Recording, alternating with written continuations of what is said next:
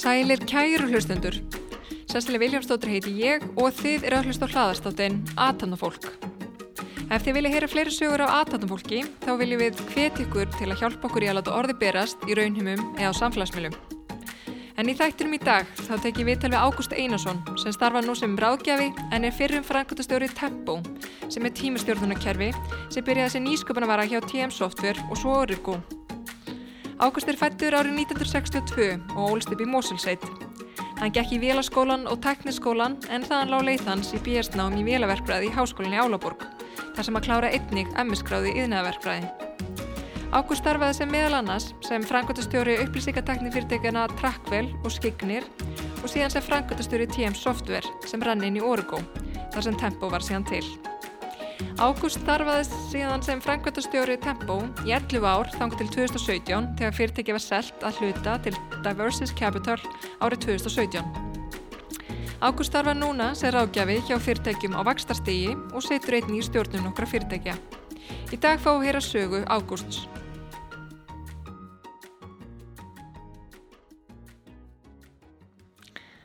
Sæl Ágúst og verðu hjartalega velkomin í þáttinn.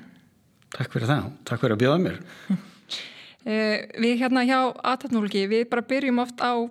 byrjununni, þannig að hérna, mér langaði svona aðeins að spyrja þið út í um, æsku árin og hérna kannski fá að vita hvað eru talin upp og svona. Já, um, það sem ég man mest eftir var, var að vera alveg upp í, í Morselsbæ og jú, Viki Myrdal þar á undan sko, þannig að uh, og Moselsbæ þá var þetta Moselsveit og, og Algjursveit og um, og hérna og, og það sem að var ólst mikið upp þá var þetta var sveit. Við vorum með hesta og, uh, og maður var að á um, hestbæki og hverjum einasta degi og hérna þannig að maður ólst uh, upp mjög mikið í kringum dýrin og, og, og, og var mikill svona bara sveita strákur í, í, í, í byrjun. Og líka á þessum árum eh, náttúrulega er ættaður þau rætti í steinundur Eyjaföllum og var þar hver, hverju sumri og, og, og, og hérna, þannig að það er mjög mikil sveit í kringum mig og mikið að dýrum þannig að, að þetta var mjög, mjög skemmtilega ár þarna, þessi, þessi, já, þessi eska og upp í unglingsárin sko. Þú hefur alltaf þá verið mikið út í náttúrunni en uh, úr Mosalsveitinni þá ákvæða að fara í vélaskólan og tekniskólan af hverju valdur það? Það var bara, ég veist ekki hvað ég ætti að fara að gera eða hvað ég átti að læra. Þetta var svona bara eins og margir unglingar eru að, að hérna að eh, þegar maður er á þessum úlingsárum þá er maður ekkert búin að finna sig hvað maður vil gera og maður er að prófa ímislegt og, og, eh, og ég var í, í sjálfu sér bara svona okkur, okkur ferð ekki þangað og byrjar þar og, og sér svo til og hérna þannig að það, það var úr og síðan þegar maður kom meira inn í inn í, inn í, inn í skól, skólan og, og, og þetta þá fann maður sig sko í starfræðinni fann maður sig í þessum raungreinum og, og um, þannig að það eitt leitt er öðru og maður hérna sá að verkfræðin væri eitthvað sem maður hérna vildi stefna á og hérna ég fór í vel að verkfræði út í Danmarku og hérna og þá aftur fannst mér þetta vera meira og meira spennandi og, og, um, og kláraði vélaverkvæðina og, og hérna fann síðan ég þyrta að bæta svona ykkur viðskiptatengdu við þetta og gerði það í, í mastinum og tók, uh, tók hérna svona rekstrar verkfræði eða eina verkfræði í, í mastinum og uh, og það hefur nýst mér mjög vel uh, þessi mentun í því sem ég hef verið að gera í gegnum tíðina. Eh, þarna í Danmörk og þá voru menna í velafskan við farinir að sko þetta eru 90, þetta eru 30 ár síðan sko, þetta, þá voru menn að forölda róbóta sko, voru við því. Og, og þá fyrst fór maður svona á þessum tíma að huga að eða sá svona hvernig hugbúnaður myndi fara að stýra já, róbótum og, og, og svona þú gæst farin að fjárstýra hlutum og hérna, þú veist, sjá sjálfvirkni koma og þetta og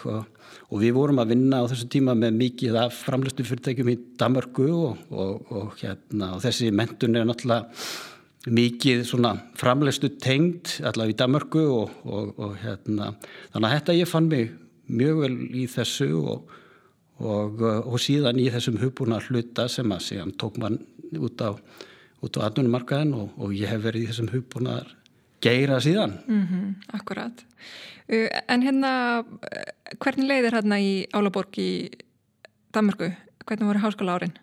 Frábær. Þetta var náttúrulega byrjaði að stopna fjölskyldu hérna úti og, og Álaborg er, er uh, mjög þægileg borg og sérstaklega þeir voru svona stopna og Danmark í, í sjálfur sér öll að þeir voru að stopna fjölskyldu og þú voru að, að hérna Uh, svona uh, í þessum, þessum námsárum það er svo mikil stöðningur uh, fjarlagslugur stöðningur og, og, og þannig að þetta voru þetta voru mjög góð ár og, og hérna gengur mjög vel og maður hérna er með mikla ástriðu fyrir, fyrir Damörgu og því því, því já, því kerfi sem er, er í gangi þar sko mm -hmm, Akkurat En síðan útskrifastu úr uh, Álaborgarháskóla með mastersprófi í, nefnverkfræði. Hvað var svo fyrsta starfið þitt? Þá fer ég í fyrirtæki sem, sem uh, hétt Strengur, þetta var svona verkfræðistofa, líka verkfræðistofa sem var með mikinn fókus á þessum tíma. Þetta er, þetta er mjög snemma í þessu hugbúnaðar hérna, hugbúna að geira sko menn voru að taka sín fyrstu, fyrstu skrefi að þróa hugbúna fyrir, fyrir fyrirtæki á stofnari sko og, og, og maður kemur þannig að snemma inn í, inn í fyrirtækið og, og við förum að vinna með já, bæi eigin þróun og hugbúnaði en, en líka vorum að snerta á eða taka inn, inn hugbúnað frá eh, erlendis frá og við Þarna stopnum við tengsl við, við fyrirtæki í Danmarku sem heitir PCC síðan hétta Navision og síðan keifta Microsoft. Og, og, og þetta var svona fyrsta landi sem þeir voru að prófa sig eh, fyrir utan landsteinina eða fyrir utan Danmarku og okkur geng, gekk svona svakala vel með, með hennan hugbúnað að, að hérna þeir buði mér að koma koma út til höðastöðanar í, í, í, í Kaupmannöfn og, og, eh, og þar þá var fyrirtækið, já það var færri, það var kringum 20 manns, 15-20 manns e, þá, þannig að þetta var svona hálgerðsbrota fyrirtæki líka. og hérna hlutverk mitt var að, að byggja upp, upp dreifilegðir og, og sölu net í, í Evrópu og fekk okkur 7-8 lönd til þess að að, að byggja upp dreifilegðir og, og, og það gekk líka vel. Eh, þetta var svona hugbúnaður réttum tíma og réttum stað og, eh, og þetta gaf manni mikla reynslu þannig að ég var svona svæðistjóri eða yfir þessu að byggja upp, upp, upp, upp þessi nett í, í þessum löndum og var þarna ykkur þrjú-fjögur ár. Mm -hmm. Og hérna, hvar fannstu þið svona einna mest? í þessu hlutverki sem þú sendir hana? Sko, ég, náttúrulega í streng þá byrjaði maður bara að forrita og, og var svona eins og flestir sko voru að gera allt eh, þú varst að forrita, þú varst að tala við viðskiptavinnin, þú varst að,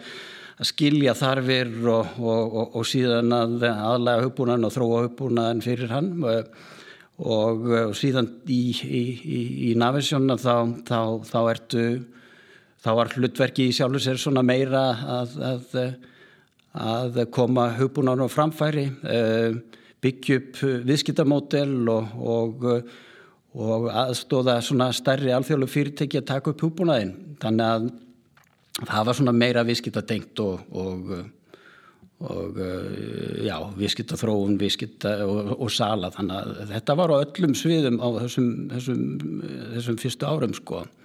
Þannig að maður læriði lærði mikið og þetta hefur náttúrulega hjálpað manni í gegnum tíðana, maður, þú veist, er búin sjálfur að, að vera á golfinu og vera, vera að forrönda og, og, og síðan, síðan allt það sem, það sem kemur á eftir. Það var gengið öll, öll störgreinlega. Eftir þessi fimm ár hjá Namisjón þá venduru hvaðin í kross. Hvað fyrir að starfa við næst? Sko, ég fór stuttan tíma fór ég að hjálpaði nýherja á þeim tíma og, og við eh,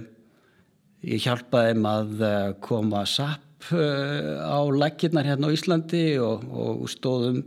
fyrir nokkrum stórum imleðingum á, á, á, á SAP hérna þar á eftir þá, þá fór ég svona meirinn í sprota hérna starfsefna eða sprota tækifærin fór inn í inn í Trackwell sem að eh, er að gera mjög vel í dag til dæmis og, og, og vorum þar að taka, taka hugbúnaði sem hafi verið þróaður í, í, hérna í háskólanum og, og voru komið hánum á alþjóðlega markað og þarna er við sko að vinna í, í staðsendingatækni og, og uh, fjarskiptatækni. Og við erum svona, þú veist, algjöru frumkvöðlar í þessu uh, og þetta er áður en Google kemur uh, fyrir á markað og, og, og, eða kemur með sína lausnir. Þannig að við vorum mjög snemma í mjög spennandi tækni og vorum að nota fjarskiptarnetin til þess að staðsetja ymsa hluti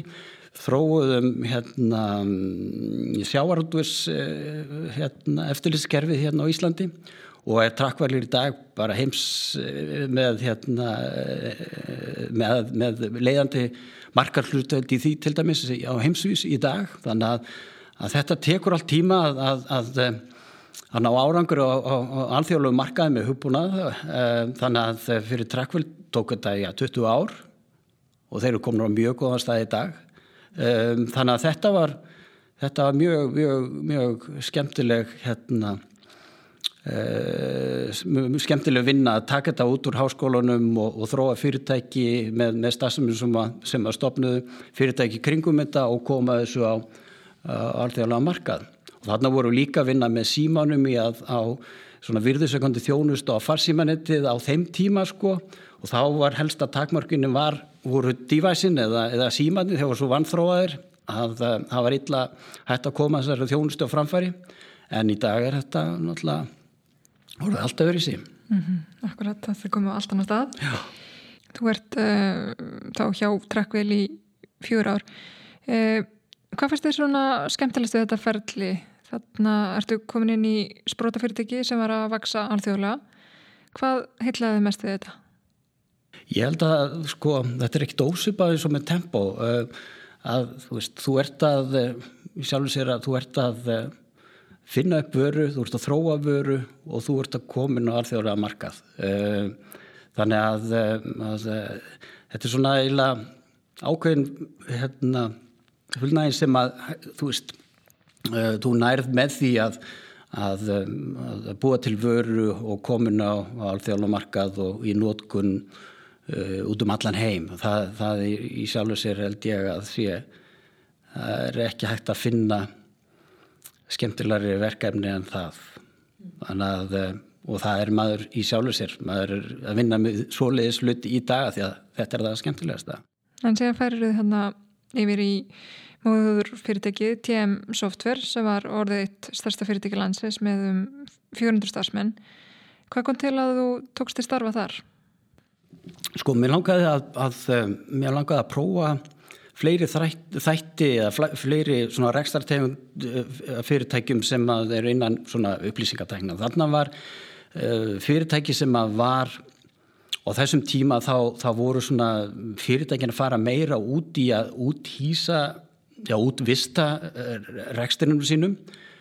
og, og hérna og, og svona þetta var svona samblandað bæði hugbúna þróun, þetta var rekstri á, á, á hérna Eh, mjög viðkvæmum kerfum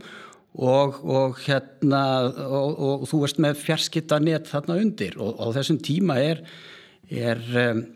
er skiknir stæðst í, í, í, í hýsingu og, og rekstir voru með eigið, eigið hérna, net fjarskita net til þess að, að, að, að veita sínum viðskitafinnum og þetta skipni verður til í, í hérna verður til e, e, þegar eimskip, flugleir eða æslandir þeir svona útvista öllum sínum uh, IT-rekstri og, og þarna voru voru kerfi sem voru mjög vikam fyrir niðri tíma og annað. Og, og, uh, og þarna myndaðist mjög mikil þekking uh, og var mjög mikil þekking hjá stafsmönum að, að, að, að reka þessi kerfi og, og út úr þessu var til að ég held að Skignir hafi verið fyrsti fyrsti aðilinn til þess að hýsa og reka hugbúnakerfi sko ellendis í gegnum uh, faræs og, og þessi, þessa línu sem voru, sem voru til Íslands og, og uh, það, við vorum með, vorum að hýsa og reka uh, út af reynslunni frá Æslandir og Emskip þá voru að hýsa og reka uh, fjarskiptakerfi fyrir mörg uh, flugfjöla ellendis til dæmis. Og, og, uh, og það skapaðist mikið reynsla og þarna var líka ákveðin fullnægin að ná, ná að, að, að, að breyta uh, skigni uh, frá því að þú veist hafa verið uh, uh, bara hugbúnaður eða rekstrar uh, deild innan þessara fyrirtækja búa til fyrirtæki sem, sem er sjálfstæð og fara að sækja á ellendið með þessa þekkingu og reynslu sem var til í þessum fyrirtækjum. Og það var, það var, það var mjög gaman og fólkið, nei hérna reksturinn gekk mjög vel og, og, og þetta voru það orðið vel yfir 150 mann sem að vann bara í höfskigni og, og uh, þannig að þetta gekk, gekk uh, fram á vonum mm -hmm. en, en hérna síðan uh, færur þig hérna yfir í móður fyrirtækið TM Software sem var alveg orð, orðið í runni eitt starsta hugbúnar fyrirtæklandsins með um 450 manns og annað og hérna, hvað er alveg kom til að þú uh, tókst því svo frangutastjóra starfunum þar? Já, það var uh, sko Friðrik Sigursson stopnandi um, tölvumynda og TM Software uh, var búin að byggja upp uh, þetta stóra og, og, og flotta fyrirtæki og, og það var með eins og segið þetta var orðið að móðu fyrirtæki með ímins dóttu fyrirtæki undir sér og menn voru að taka þarna uh, hugbúna lausnir elendis og, og, og þarna voru með kerfi fyrir, fyrir helbriðsgeiran, þetta voru kerfi fyrir sjárótvegin, þetta voru kerfi fyrir hugbúna kerfi fyrir fjármála hérna, orkuveitur og þess að hérna, fyrirtækið, það bjóð til svona dótturfyrirtæki sem að var að sérhafa inn fyrir ákveðna atvinnugreinar með sinn hugbúnað Og, og þetta voru svona bara ákveðin tímamót hérna Fridrik Sigur var búin að byggja þetta upp og, og, og ég í seglu sem stíð þarna bara inn og tek við á honum og hérna og við förum í svona ákveðnast uppstokkun á, á, á félaginu og hérna og svo, svo gerist það að, að þetta er svona teimur árum fyrir hrun og svo kemur hrunið og og uh, Órikó var búin að sína mikið áhuga á, á fyrirtækinn þá sérstaklega skikni að, uh, að kaupa þá einingu og, og, og saminnaði fyrirtæki. Og þeim tíma var, var Órikó og nýherri að, að hugsa hvernig þeir ættu að stækka og, og útvikar sína starfsemi og vera ekki svona, svona alfarið inn í, inn í velbúnaði og selja, selja, selja svona hard, hardware. Og, og þetta var svona næsta skref fyrir þá. Og uh, þannig að þeir voru þeir voru mjög áhersamir og, og kláruðu kaupin á, á fyrirtækjuna rétt, rétt, uh, já, í, í, rétt fyrir hrun. Salan ferðaninn gegn uh, 2008 Hver voru helstu samlegar áhrif þessa fyrirtækja og, og Hvernig gekk að samena fyrirtekin? Samlegar áhrifin voru sérstaklega í, í, í, í hérna, rekstra þjónustunni. Tjemsáttur var ekkert í neinum sölu á neyru hardveri þannig að það var fyrst og fremst varða í rekstra þjónustunni og, og svo samenni gekk bara vel. Um, ég held áfram uh, og tók hupunar einingarnar uh, og, og, og, og fekk, fekk uh, svolítið einingum frá, frá, frá Órikó og við tókum tíma í að, að, að samena það og þessi saminning já, fyrir mér, bara já, mér, mér fannst hún ganga vel og auðvitað var þetta á fyrðulegum tímum og og uh, ég meina TM Software á, í, í hrununa þá á einni nóttu að þá hurfu 40% af tekjum fyrirtækisins og uh, við þetta mjög, þetta voru mjög skreitin tímar og við fórum náttúrulega að verja störfin og, og hérna þegar heimamarkaðin hrundi svona og við, við uh, Við fórum og fundum verkefni ellendis, fengum stort verkefni hjá saminuð þjóðunum, fengum verkefni í í, í, í Danmörku, Breitlandi, Bandaríkjónum og, og, og á nokkrum mánum að þá voru við búin að, að uh, fá verkefni sem að, sem að gaf fullt af, af störfum og við þurftum ekki að segja upp nema hvað var um 20 manns minni mig að þetta hafi verið í rauninu þannig við náðum að, að, að bjarga miklu á þessum tíma, á stuttum tíma mikið rétt. Eh, en ef við færum okkur yfir í Tempo, nýskupunarverkefni sem var til einan TM Software sem byrjaði sem tímastöðunarkerfi. Eh, hvernig kom það til og hvaðan kom hugmyndin að Tempo? Já, he, sko, já þetta gerist í hrunn og aðeins fyrir hrunn sko, að, hérna, að sko, TM Software var fyrst og fremst í hugbúnaðagerð og, og bæði eigin þróun og, og fyrir viðskiptafinni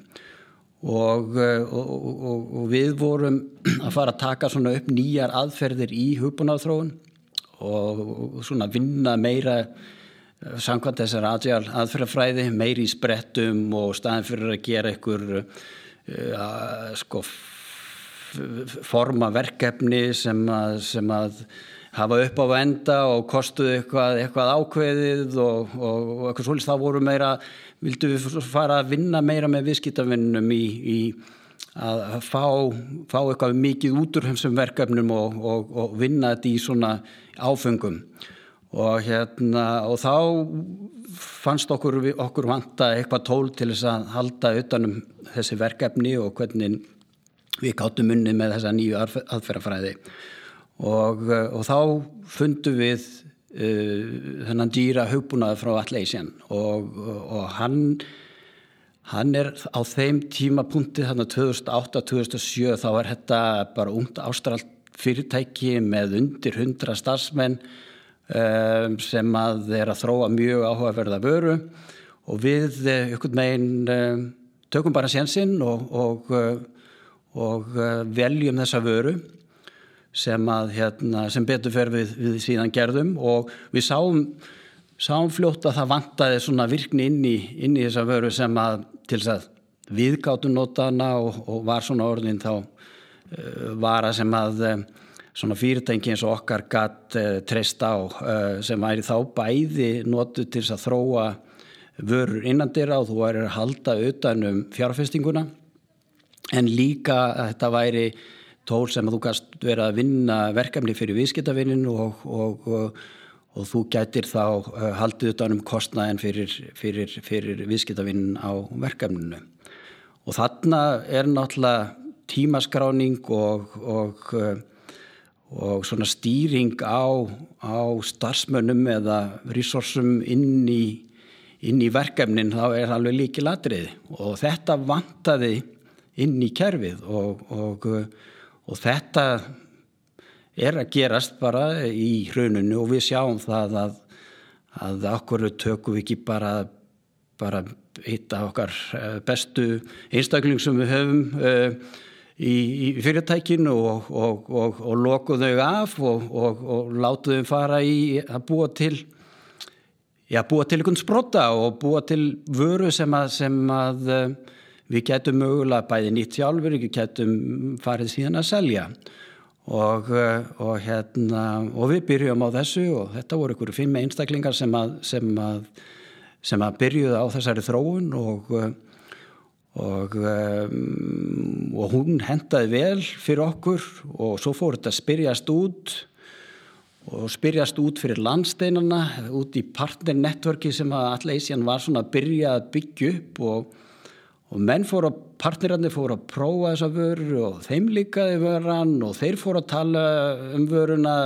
við viðskiptafinn sína og þannig eitt leitt að öðru og þetta var svona snjóbolti sem byrjaði að að, að, velta og þetta, þetta er svona gerast 2008 til 2010 þá, þá er þetta svona að mótast mm -hmm. En hérna var þetta svona skilgreind uh, stefna innan nýherja þá eða orgu að, að mögulega sækja á svona nýsköpunar takifæri innan hús? Nei, það, það var nú ekki, ekki, ekki þannig sko ábyrð stefna. Þetta var svona meira til að byrja með í, þú veist, við vorum í hrauninu og við vorum bara að reyna að koma upp með góða hugmyndur og, og, og verja störfin og, og verja okkar besta, besta fólk sko. Þannig að það var nú eiginlega, þannig að þetta var nú svona undir ratar til að byrja með þetta, þetta verkefni og og síðan fór þetta að spyrjast út og, og innan fyrirtækisins og, og, og hérna og þetta bara þróaðist alltaf í ákvaðan hátt sko þannig að, þannig að við vorum svona eins og er í mörgum að þessum stærri fyrirtækjum þá var þetta svona nýsköpun inn í stóru fjölaði sem að, sem að hegðaði sig ekkert öðri sig eh, þessi eining að öðru sig heldur sprota, sprotis eða sprota fyrirtæki og við reyndum að hlúa að þessu eins og við gætum og gátum og, og, og verja fjárfestinguna og verja það að við getum haldið áfram með þetta en, en það góða við þetta alltaf þetta sko gekk það hratt fyrir sig og þetta var svo góða fréttir inn í, inn í markaðin að, að sko á líftíma tempo eða þú veist þessi fyrstu tíu ár sko ég held að þú veist við vorum í hagnaði sko á hverju einast ári, við vorum ekki að brenna einum peningum. Þannig að, að hérna, það var líka gerður þetta einfaldara og, og, og hérna en, en það var alveg ótrúlegt að, að sko að eh, við skilum alltaf hagnaða þessar, þessu, þessum rekstri. Það hefur vantilega réttlætt þróunarkostnaðin innan hús og, og annað. E, þetta fær nú að rúla nokkuð fljótt hjá ykkur og eins og komst þeir nú áðan e, Hvena var það sem þið áttið ykkur á að þeir væri með eitthvað stort í hundunum? Ég held að það sé í kringum 2012 uh, og uh, þá er þetta að fara að velta, já, þetta er svona bólti sem að þeir farin að rulla ansir rætt og, og í mörgum löndum og, og við sjáum líka hvað alleysjan er að ganga, ganga vel og hvað uh, líka svona bara kultúrin í því fyrirtæki. Þú veist þetta voru ástralar sem að voru að, eh, að, að koma sér fyrir í bandaríkjanum á stórum markaði þeir gerðu þetta alveg ótrúlega vel. Uh, við vorum að læra þeim og þeir af okkur. Við erum fyrsti svona, svona þróuna aðilinn hjá þeim og, og í gegnum tíðan við verið verið langstæðsti þróunaðalinn eða sjálfstæði þróunaðalinn sem er að halla sér upp að þeim. Og við höfum notið góðs að þeir því og, og, og þeir hafa tekið okkur með í þessa stóru vegferði sem þeir hafa farið eh, eins og að eh, byggja upp því eigi klátt og svona fara úr þessu on-premise eh, umhverfið yfir í, í, cloud, cloud. Og, og það, það, hérna, það gerðu við bara um leið og Atlassian gerði og, og, og þeir hjálpuð okkur í þeirri vegferð. En þeir hafa líka lært mikið okkur. Þeir reyndu til dæmis að kaupa tempo þrísvarsinnum held ég á þessum tíma. Þarna í kringum 2012-2014 eitthvað svo lis Uh, við sögum þá við, við bara, þú veist, við verðum bara ekki tilbúin í það. Uh, við sáum hvað vel við okkur gekk og, og vildum endilega hérna,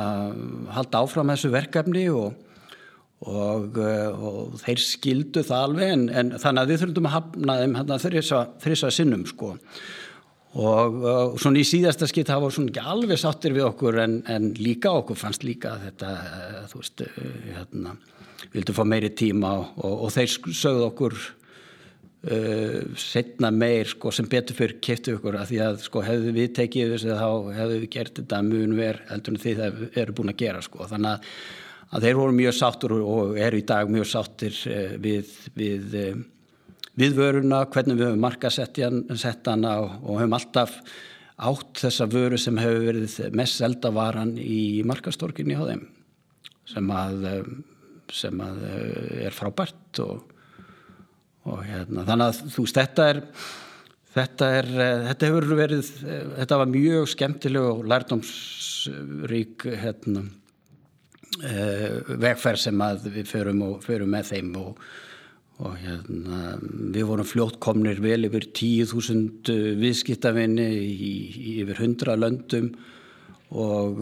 og stæðst, okkar stæðsti markar var í, í, í bandaríkjunum. Og, og hérna við fljótt sáum það að við þyrtum að að koma okkur frá því að vera bara á Íslandi. Og, og og þarna í 2015 minnum mig þá, þá kaupum við lítið fyrirtæki í Montreal eh, svona til þess að flýta þeirri uppbyggingu þar og á tveimur árum þá vorum við búin að byggja upp einingu í Montreal sem var í kringum minnum mig 50 starfsmenn sko. Mm. Af hverju ákveða að hérna, fara til Montreal af, af öllu stöðum? Já, Montreal sko Já, náttúrulega líka eitt er að við kaupum þetta fyrirtæki en, en við vorum svona líka búin að sjá það að sko, við þurftum að staðsetja okkur í Norður Ameríku. Og við sáum það líka að það var mjög einfaldara að gera það í Kanada heldur en í Bandaríkjunum. Og, uh, Montreal er svona eftir, eftir Boston með flesta sem að útskrifast í raungreinum og, og uh, við sáum að það var mjög mikil og er mikil gerjun á þessu svæði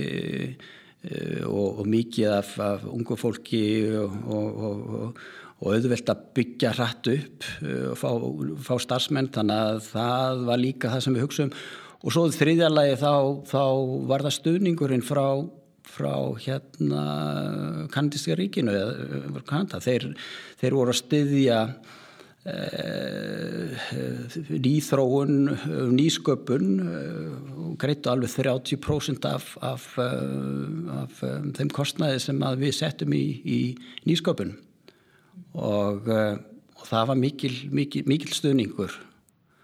Og, og þetta er orðið náttúrulega bara eins og, eins og markarinn dag, þá er þetta samgefnum fólk og, og við erum líka að gera vel hér á Íslandi, það hefur breyst þetta umhverjum sem betur fer og, en, en þetta er bara samgefnum fyrirtæki og fólk. Akkurat. En hérna uh, þið náttúrulega vaksið mikið í, í hérna gegnum uh, þetta markastorg þeirra Þannig að þið eru kannski ekki í svona gamaltags uh, sölu í rauninni það má segja að í rauninni uh, ykkar helsti vöxtur er að koma í gegnum þetta markastork þannig að þetta er svona inbound traffic. Algjörlega. Uh, var hérna máilega að segja að næstu allur vöxturn hafi komið þarna frá eða, eða voru viðskiptavinnir að finna ykkur á annan máta? Já, sko, þetta var mikið drifið af inbound marketing, bæða okkur og, og, og hérna Valleisian. Eh, þannig að þetta, þú veist, ég hef búin að kíkja vel inn í mismandi markastorg og ecosystem hérna, sem er, starf, hérna, er á markanum í dag og ég uh, held að þetta sé það uh, skilvirkasta og besta markastorg sem er á, á, á markanum í dag og, og við notum góðs að því. Um, en það var líka í þessu ekki bara markastorgi heldur þetta eh, partnernetworki sem var, er, er mjög effektivt og, og þarna voru við með 120 partnera út um allan heim sem að voru að að uh, selja og láta vita af okkar laust uh, í þeim löndum sem þeir störfuðu. Og, uh, og mikill hluti af núna í hérna á setni árum að þá, þá var mikill hluti af nýsölum sem kom bara, eða meir hluti af nýsölum kom frá partnernetworkinu. Það var ekki byrjun En, en, hérna, en það síndi bara það að, að, að þetta partnernettverk var að virka mjög vel og, og, og hjá þeim. Þannig að en við vorum alveg að fá í hverju mánu vorum að fá í kringum 3000 uh, uh, trials eða sko viðskiptafinni sem voru að prófa okkar hugbúnað og, og hérna við vorum vorum og aðalverkefnið hjá, hjá okkar fólki var einmitt að finna út hvað af þessum 3000 fyrirtækjum sem voru að prófa okkur vöru við ættum að setja okkur í samband við og, og uh, að því að við vissum það um leið og við byrjuðum að uh, snerta þessi, þessi fyrirtæki sem voru að prófa okkur vöru að þá jógst hérna conversion rateið í viðskiptafinu til muna. Þannig að þetta var svona þetta var hérna hvað var maður að kalla þetta? Þú veist þetta er náttúrulega bara það að vera með svona mörg træl sem koma frá inbound eða frá kanalunum að prófa okkar vöru að þetta er bara luxus, þetta var svona luxus vandamál að, að, að velja að velja viðskiptavinnina sem að vildi reyna eða vildi fá inn í viðskiptavinni staðan fyrir að sækja og ná í þá sko. Já Þetta er okkur til hérna, mikil luxus staða þar sem það eru nú flest fyrirtæki að reyna að elda upp í fiskitifinna. En, en þarna eru þau náttúrulega komin í mjög náið samstarf við erunni hérna, stórfyrirtæki og, og, og hérna, búin að tengja ykkar vagn daldi við þeirra og það náttúrulega reynist mjög vel en það náttúrulega eh, fyrirtæki allar sést náttúrulega vex sjálft mjög mikið og þið njótið svona góðs að því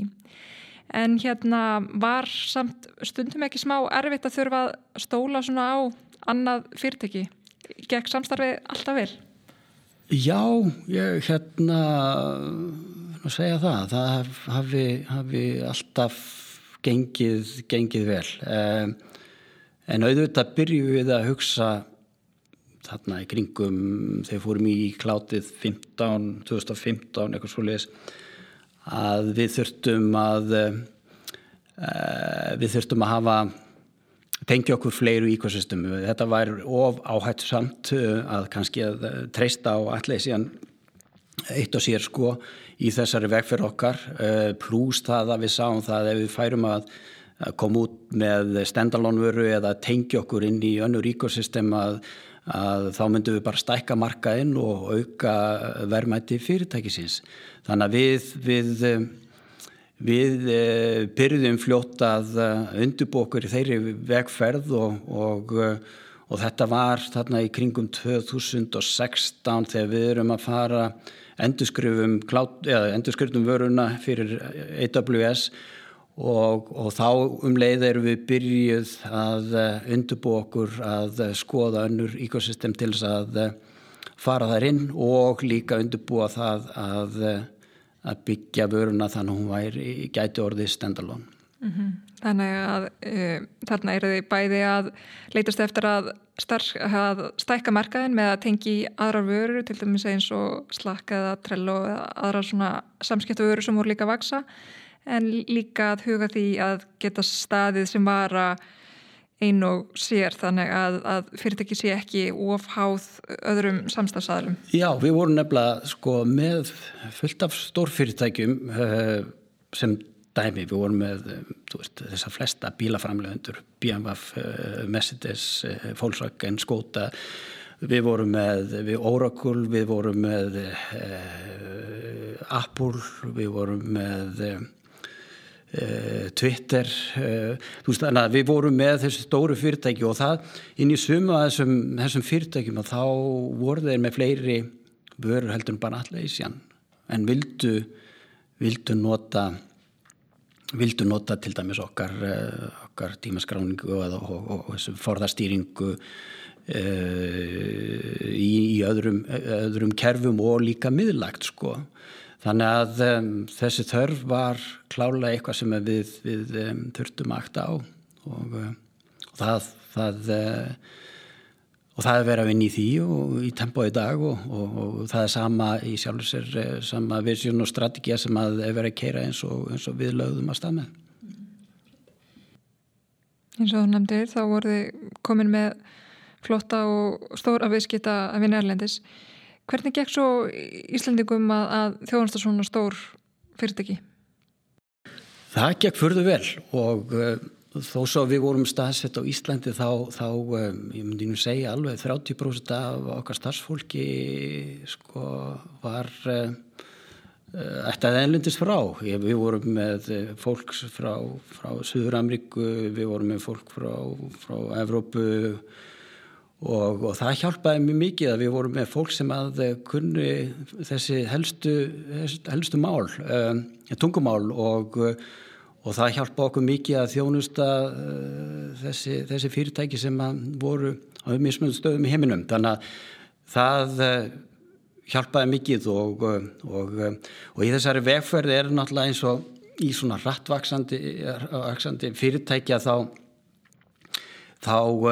þá hérna skiptir eh, rosalega miklu máli er, er, er, er náttúrulega þessi kultúrmál og, og, og fólkið, þetta er náttúrulega verðmættin og fyrirtæki er fólkið í þessum hugbúna og þekkingafyrirtækjum.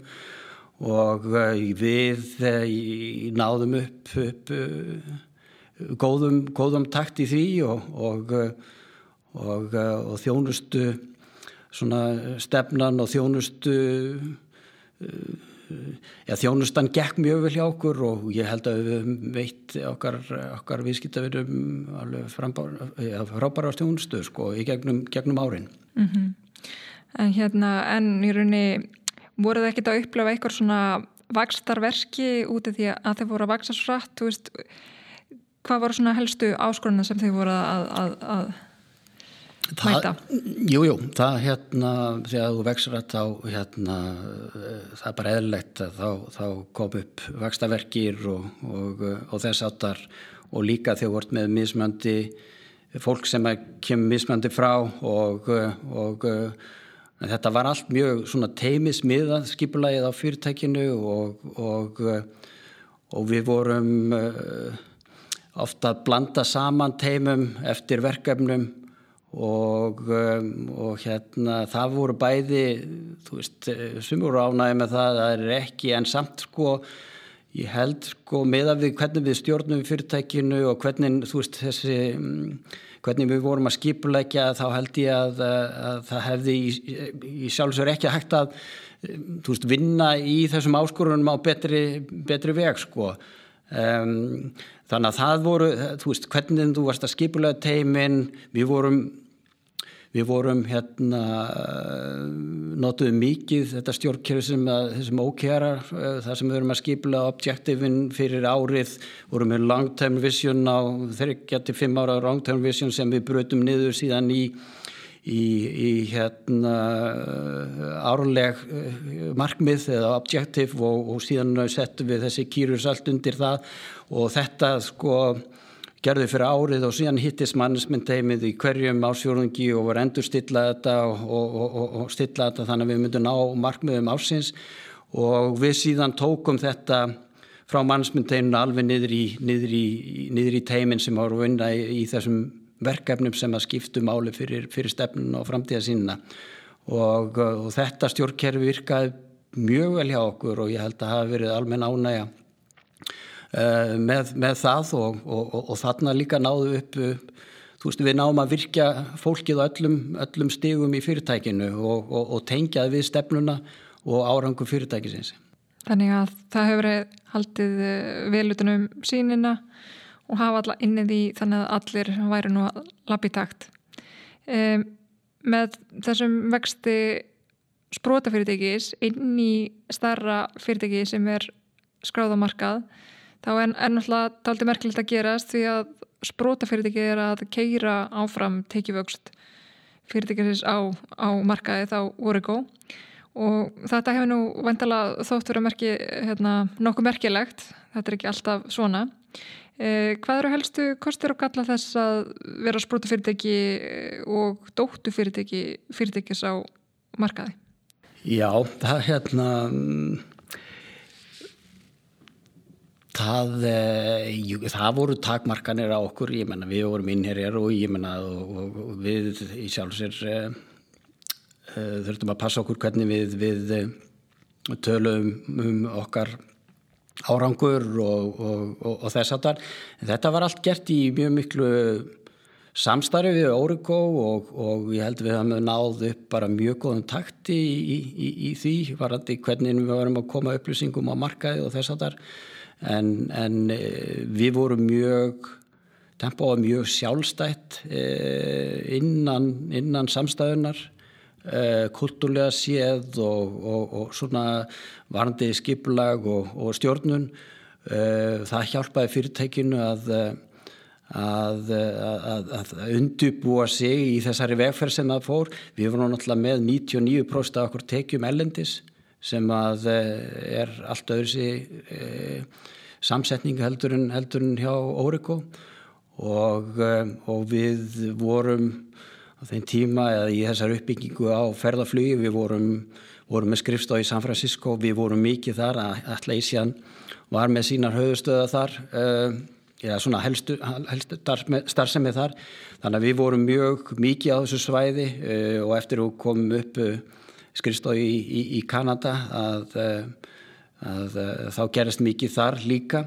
Þannig að við vorum ekki alltaf tengdir í sjálfur sér Íslandi sko hvað var að gerast en, en í þessum, þessum ársuppgjörum og, og ársfjórumsuppgjörum þá, þá komum við Eh, bara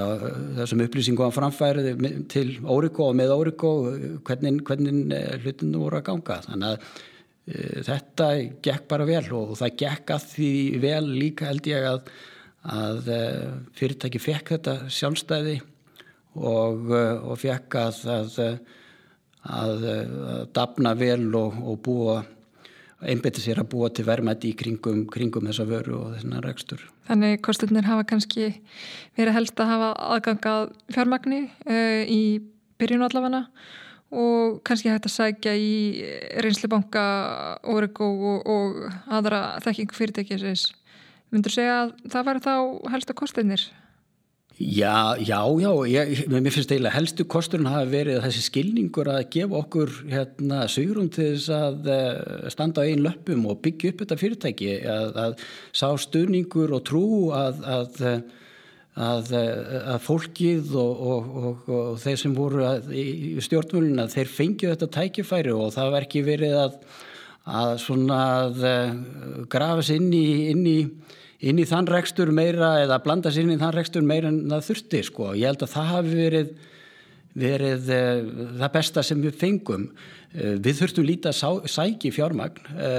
við þetta gekk það vel og, og, og þannig að við vorum, við náðum að fjármagna alla, alla þróun sjálfur,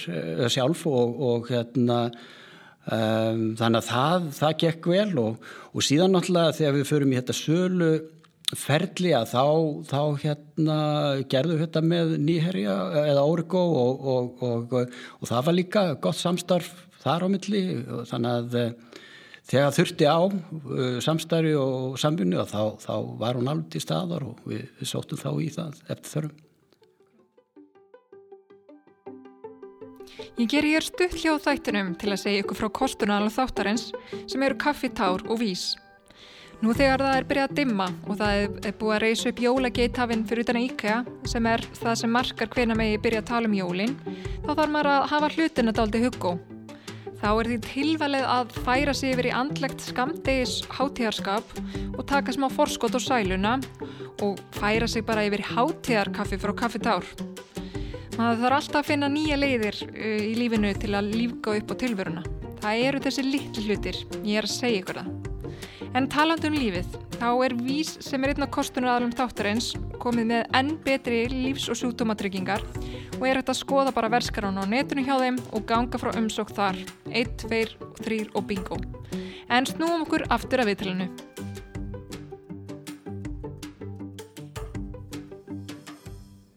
Segðan kemur uh, tempo akkurat frá TM software eða Urgo sem er dæmi um nýsköpun inn í starra fyrirtæki og starri fyrirtæki geta ofta átt erfitt með að stunda nýsköpun og íminst tæki verða þar ónýtt. Eh, hvað finnst þér að starri fyrirtæki geti gert til að geta stundað nýsköpun á, á skilvirkari hátt? Ég, það held ég, ég held ég sé bara mjög svipað eins og, og tempo var til. Við vitum þá um lættað og lesið það, ég menn hvernig Apple er að gera þetta eða gerða allavega í, í, í svona hérna í gamla dag en, en, en hérna og vantarlega að gera það eins í dag. Þú þart að hlúa af þessum, þessum sprotum og vera með jafnvel marga sprota í gangi í einu í svona þessum, þessum stærri fyrirtækjum uh, að því við vitum það að það gengur ekki allt upp og en þú þart að eh, þú þart að hlúa vel að þeim, gefa þeim sjálfstæði uh, leifa þeim svolítið að, að uh, búa sitt sitt, sitt sín eigindi, sín, sín kultúr, sín gildi og, og, og, og hérna uh, finna það að þetta sé svona barnið þeirra og bara vera tilbúin til þess að veita stuðning ef að kalli kemur. En ekki að vera að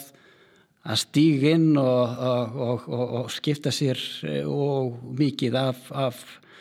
af, eh, af starfsemi. Ég menna þetta er yfirleitt í þessum, þetta er, veist, er, þetta er fólkið og þú þarfst að gefa fólkinu svigurum og það er ekki eins og þú þarfst að eh, hafa eitthvað mikið eftirlit með svona kláru fólki sem er að búa til, búa til þessa sprota sem að, sem að hægt er að taka taka á, á, á næsta stig eða taka erlendis og búa til eh, mikilverðmætt í kringum. Mm. En hérna hugsun hérna ofta á, á Íslandi svona hjá hérna starri fyrirtækjum þá er þetta oft hérna litið á þetta sem kostnæðalið en kannski ekki þróun starri tekilegir setna meir Uh, helduru að þetta sé kannski að einhverju leiti hvernig frangandastjórar uh, eh, starri fyrirtækja eru kannski metnir að að hérna merleikum eða sko hvort það sé hort of mikið á, á, á hérna að að, að, að svo sagt að eh, stækka núvarandi tekjur, tekjur og lækka kostnað versus það að horfa kannski aðeins meira fram á við? Já, ég menna það, það, það hérna Í þessum flestum fyrirtækjum er, er náttúrulega uh, sko research and development kostnæðurinn stór hluti af, af, uh, af, uh, af tekjum og, og, og við sjáum það allavega í hugbúnagerun og eins og hjá allis en ég held að sé ennþá, þetta sé sko vel við 40% af tekjum er þrónakostnæður og, og það gerir þessi fyrirtæki einstök að þau geti sett svona mikið e, pening í nýsköpun og, og, og stjórnkerfið eða skipulægið og, og þannig er byggt þannig upp að, að þessi fjármögnir hérna nýtist vel og það verði eitthvað til úr því sem gerur fyrirtækið sterkara og hjálpar því að að ná þessari framtíða sín sem að hérna, það stefnir að. Annars ertu bara að dreina fyrirtækið og, og ja, þú setur ekki í þessa nýsköpun og, og í þess þessi þróuna verkefni sem að er undirstaða fyrirtækis og, og á þeim endun í erðu fyrirtækið og nær því á, á, á hérna, næsta level. En hérna síðan hérna árið 2015 þá hérna faraði á, á, á stað og ætliði að, að selja 25%, uh, 25 hlut í fyrirtækinu bara svona til að styrkja eiginfjörstöðu nýjurja og, og, og standa undir þá mögulegum viðbútið þróunarkostnaði tempo. Uh, af hverju var hérna hættlið á, á þessari tímasetningu? Sko, já, fyrst þá byrjuðum við sko á Íslandamarkan og okkur langaði svona að prófa og þreyja fyrir okkur með að taka inn, inn inn aðila hér á Íslandi og, og líka sjá svona hvað, hvað verðmæti e, væri í fyrirtækinu eða hvernig menn myndu líta á verðmætið á tempo á þeim tíma. Og þannig að við tölum við, við hérna aðlega hérna á Íslandi til að byrja með og, og það gekk mjög vel um, og, og hérna allir flestir af þessi aðilar sem við tölum við þeir höfðu náttúrulega áhuga bara að að kaupa fyrirtækið uh, og, og, og kaupa meirhöldu og helst kaupa það allt. Og, og Óriko var í sjálfsvegar ekki tilbúið til þess uh, á þessum tímanbúndi og kannski eins og við þegar allega síðan var að kaupa þá þeir vildi svona allavega uh, hérna, það var það mikil verma þetta sköpun í fyriræðinu að, að þeir vildi ekki selja það alfarið. Og þannig að þá fór það ekkert lengra og, og, og, og svo árinu setna þá, þá fyrir að hugsa þetta aftur og viljum þá uh, sér fara í þetta söluferli eða þessa skoðun uh, engungu erlendis. Og og það var það var, það var verkefni. Það var eitt og hálft ár sem að við vorum í svona fengum, fengum bandarískan aðalega til að hjálpa okkur í þessu networki og kom okkur á framfæri og, og annað. En þetta tók alveg um, átján máðunni að að, að, að hérna að að kynna sig eða þú veist að koma eða þú fara og ræða við þessa aðila og ég hérna ég held að ég og, og, og finnur við ég held við höfum hitt, hitt ykkur yfir 120 ventursjóði að private, equity sjóði sko á þessum tíma og, og hérna og við svona byrjum og tölum við marga og síðan svona þrengdist þetta allt yfir, yfir hennan tíma í nokkra sem að við síðan, síðan fórum í svona alvarlega viðræðu við sko og, og hérna þetta var mjög krefandi og lærdomsrikt ferli, það verður að segjast. Uh, hérna, þannig að þetta og, og eins og segið, það, það var bæði já, aðalega í Pantaríkjunum en í Breitlandi líka sem að, og, það er evróskir sjóðir sem að, sem að við vorum að tala við. Að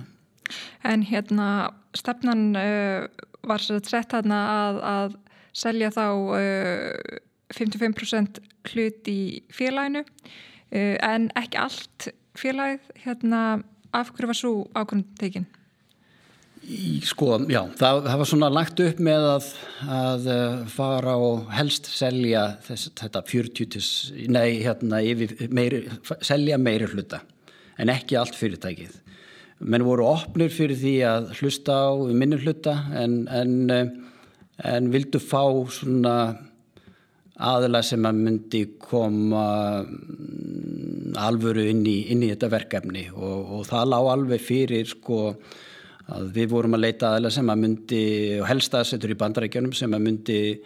þá taka fyrirtækið uh, og staðsetja það með sínar höfustöðar í bandarækjunum sem að stæðsti markaðurum var. Og, og, og við vorum svona bara þú veist, hugsa um næstu skref í framtíði tempo og hvernig við gætum haldið áfram að eh,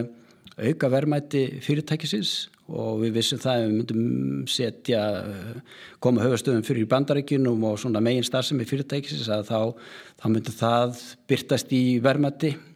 og, og, uh, og líka þetta sem að kom inn á áðan að halda áfram að þróa vöruna inn í önnu ríkosystem og,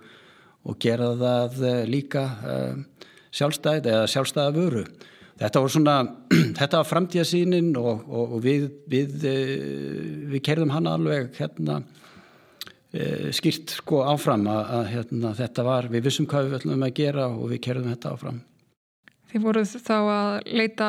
samstagsæðala til að fyrirtæki geti vaksið enn frekar og kannski á svipum tíma, svona árið 2017, þá kaupir Atlasis eh, Trello sem er einhvers konar eh, verkefnastjóra tól fyrir 425 miljónu bandarækjadólara og þetta eru nú alvöru peningar.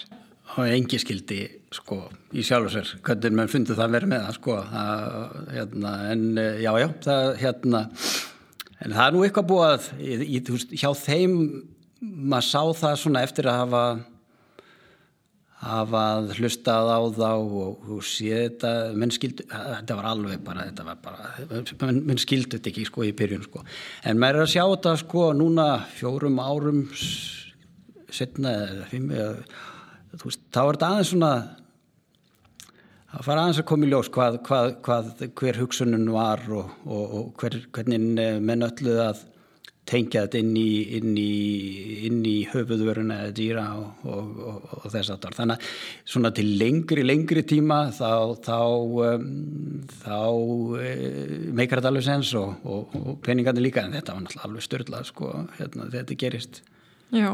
en þetta hefur mæntalega eitthvað aðeins svona ítt við ykkur að koma ykkur á stað að, að, að, að hérna út á markaðan að skoða hvað verið í bóði en hérna þið, þið hafa ekki farið aftur á, á, á stað og tala við hérna við allarsins aftur eftir að þið vona búin að ná að pota í ykkur trefsfra áður? Nei, ég held sko það sem við vorum svolítið rætt við ef við höfum talað við alleysjana þá hefðu ekki geta eða þá hefur, þú veist, það hefur fyrirtækið ekki geta kannski kyrt þessa vegferð sem að eh, við vorum að leggja upp eða hafa þetta stendalón og fara inn í önnu ykkarsystem að þá, þá hefur mögulega að leysi hann sko bara verið að hugsa um þetta fyrir sitt eigið ykkarsystem og ekki meir. Það var svona mm, já og, og, og vantarlega hérna hefði það gerst. Ég maður, þeir eru búna núna síðustu tveimur árum verið að kaupa fyrirtæki sem hafa verið að gera svona viðbætur eins og, eins og okkar sko. Og, eh, og þetta hefur bara runnið inn í þróunar eh, deildina hjá, hjá Atleisian í Sydney sko. Og, og flestir að þeim sem að eru svona í þeim fyrirtækjum þeir þeir, eða þeim var bóði sko. Þeim er bóðið að flytja til Sydney. uh, eða hætta einan einhverja 6-12 mánuða eitthvað svo leis þannig að uh, og menn eru þannig að kaupa IP og, og, og, og bjóða síðan fólki að flytja þessu seti ef þeir vilja halda áfram. Sumi vilja það. Og uh, þannig að ég hættur um að hefðu við selt fyrirtæki til, til Atlassian þá hefðu þetta farið þessi leið. Akkurat. En hérna salan gengur svo í gegn þarna uh, 2019 og uh, söluverð auðvitað þessa hluta sem þið selduð þessa 55% er 4,3 miljardar og þá er það mæntal fyrirtæki mitið á 7,7 miljardar sem þá mæntala gerir þessa sölu að, að einni stærstu uh, svona hug, sagt, stærstu sölu á hugbúnafyrirtíki allavega á, á, á Íslandi. Og hérna, já, og hérna þú komst alltaf inn á áðan að, að það, þetta var langt og strangt ferli enda, enda hérna miklar fjárhæðir í, í, í húfi. Og þessi bandariski sjóður Diversis uh, Capital kemur síðan inn og hérna uh, hefur uh, sagt, hefur uh, fyrirtækið og stefnan mikið breyst eftir þeirra aðkomu? Ekki svo mikið. Um, ég sjálfsvegar vann eftir ég hætti þá, þá var ég að svona í viðrinnið, ja, í kringu fyrirtækið í ykkur um, eitt, tvö ár um, og á því tíma þá var engar stórar breytingar. Það er svona um, svona minniháttar eh, veist, breytingar í svona stefnunu? Nei, ég, ég vil nú ekki segja það það hefði breyst neitt mikið sko. Um,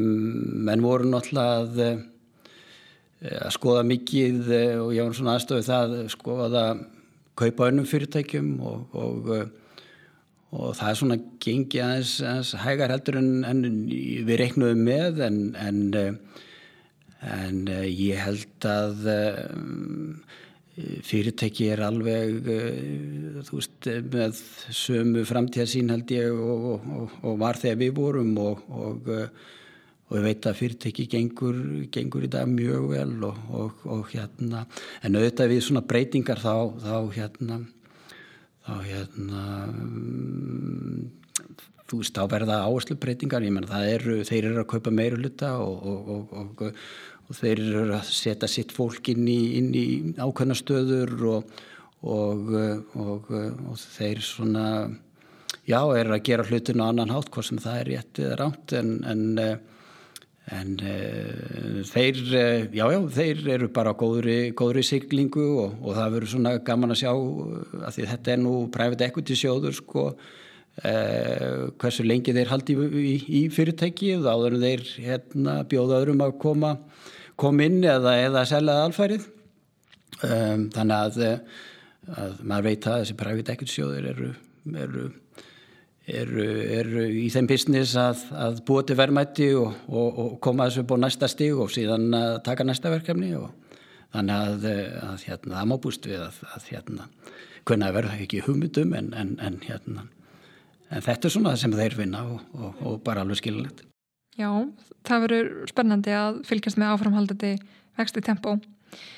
Eh, þegar þessir fjárfestar koma inn þá stýgur til hliðar sem frangvöldastjóri fyrirtækisins og uh, inn kemur nýr frangvöldastjóri, bandaríkjamaður. Uh, hvernig fannst þér að þurfa að stíga til hliðar og, og fylgjast kannski með þessu smá frá hliðalínunni? Þú veist, það var mjög erfitt sko.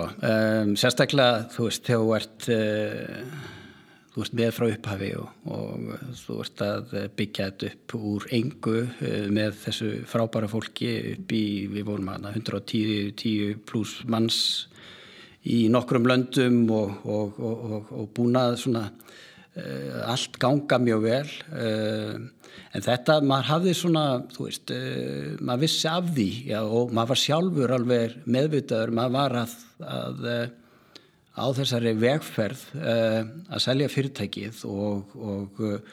og bara vann heilsögar í því ferli og maður vissi það alveg að, að, að sko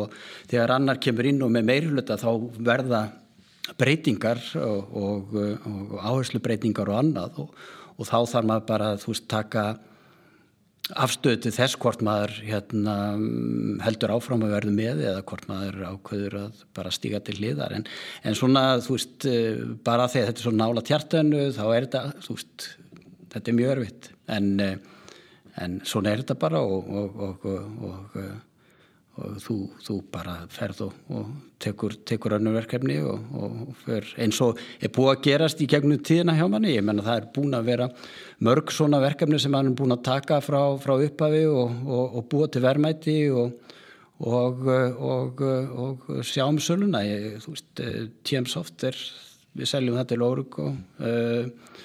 Trakkvæl er líka, þú veist, fer í saminningu uh, uh, og Þannig að ég, og ég, þú veist, í TM Software eh, þá voru við að eh, í því að selja út eignir líka sko þar, um, seldum Maritec til, til Norex og seljum Teriag til, til, til Bretlands. Þannig að þú veist, maður er búin að gangi í kegnum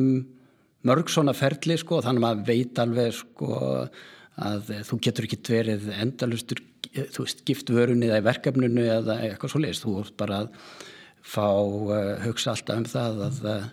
koma vörunni upp á næsta stíg og, og, og, og hvernig er það best gert og hvernig, uh, þú veist, ára alltaf verðmættasköpun í því sem voruð að gera. Mm, akkurat. Og í, í dag þá hérna, vinnur sem rákjafi, ekki mm -hmm. satt og svona hvað eila hvað, hérna, hvað ertu svona helst að, að, að hérna sérhafa því? Það er bara mjög svipað og, og hérna, þessi sprotar sem að uh, ég hef komið inn í. Uh, það er svona verið að hjálpa þessum vörum og fyrirtækjum sem eru, að, eru komin með komin með ákveðin krítikasmassa í, í, í, eða var hann búin að sanna sig eh, og, og, þarf að taka sig upp á næsta stig. Hún kannski komið með nokkrar miljónir dollara í veldu og, og þarf að, að mögulega fá fjármagninn til þess að hraða vextinum ellendis og og hérna og þroskast, eh, veist, þroskast þannig eh, og taka upp annað stig. Þannig að veist, þetta er mjög svipað eins bara tempo, um, trakkvel uh, og, og, og hlutir inn í TM Software sem hafa verið að vinna í. Þannig að þetta eru sömu verkefnin en þetta er það sem að brennu fyrir að, að að hjálpa þessum, þessum, þessum sprótum eða fyrirtækjum, þetta er svona komið kannski aðeins lengur heldur um spróti en, en komaði upp á næsta stig og ég er sjálf og sér ekkert annað en að deila þeirri reynslu sem að, að maður er búin að afla sér í gengnu tíðin og, og, og komaði yfir og aðra og, og bara fá, fá ánægja af því. Það, hérna, ég er að vinna ykkur um fjórum, fimm verkefnum í dag, bæði hérna heim á Ellendis og og uh, já, og erum ennþá með tengingun í allir sem er annars tengdur einu verkefni sem þeir eru og þú veist þannig að það, þú veist það er hérna þannig að þetta er, þetta er uh, bara mjög skemmtileg hlutir sem er að gerast í dag mm -hmm. Ég heyrið þú vart með, með hérna puttana í mörgasa dagana en svona þegar þú vart ekki hérna að, að, að, vinna eða að hjálpa hugbúna fyrirtækjum hvað ertu þá svona mest að gera svona ytta vinnu og áhuga mál annað? Já, það hefur nú verið í gegnum árin verið mikið um, um, um hérna, fjallgöngu, ég fara mikið að hjólaelendis um, og, og síðan bara allskins íþróttur. Ég er eiginlega aðlæta á íþróttir og, og, og það er eitthvað sem að hérna, maður færi mikið útur. Um, badminton og fullu núna uh, eitthvað í golfi sumar og, og, þannig að það er allskins hlutir sem að hérna að hérna maður hérna tekur í þegar maður er ekki að vinna mm -hmm. Nöðslega kvíla sig Já. líka stundum frá vinninni eh, en hérna svona að lókum ef þú lítur yfir ferilinn hérna hverju ertu svona stoltastur af Ég held að það er nú auðvelt sko, eh, þannilega séð, ég held að, að eh, tempo vegferðin hafi, hafi toppað og er að topp, toppa þessi, þessi verkefni sem að ég hef tekið, eh, tekið á og, og, og unni með, þannig að ég held að það sé, sé, sé hérna, þetta var 10, 10, 11, 12 ára vegferð með, með fyrirtækið og, og og, og það er náttúrulega bara sko með þessi hugbúna fyrirtæki það eh, menn verða að hugsa soldið eh, í langtíma eða, eða þú veist í þessum 7, 10 15, jafnvel 20 árum eins og með trakkvel og þess svona sérhæfða atvinningreina atvinningreina lausn eða industrí lausn að þá, þá þarf þetta að vera með þólumæði sem fjárfestir eða þólumæði sem eigandi í, í alveg 20 ár til þess að eh, ef þú allar með vöruna og hefa metnað að taka hana alþjóðlega markað þá er það. Um, ég vil meina allavega með tempo og þá, við, þá gerum við þetta á tíu árum virkilega uh, uh, komin á svona ákveðin stalla á alþjóðlega markaði með, með þessa löst sem við, við erum. Uh, það eru og við skoðum að það eru fáar lausnir eh, þó sem við höfum verið í einu íkosystemi sem að vera velta og eins útbreyttar í heiminum dag eins og, og tempovaran eh, er. Þannig að uh, þetta tekur tíma og, og, og þólumæði að, að ná markmiðum og það held ég að það sem að, sem að ég held að allavega fyrir fjárfyrst og eigundur þá, þá er mjög mikilvægt að horfa á þessi tækifæri með þeim mögum En Ágúst Einarsson, uh, takk kærlega fyrir komuna. Samleis, takk. Ef þú vilt heyra fleiri sugur af aðtapnafólki þá hveti þið til að íta á subscribe-nappin á hlavarspöytunni þinni og fylgja okkur á samfélagsmiðlum. Ekki missa af næsta þætti.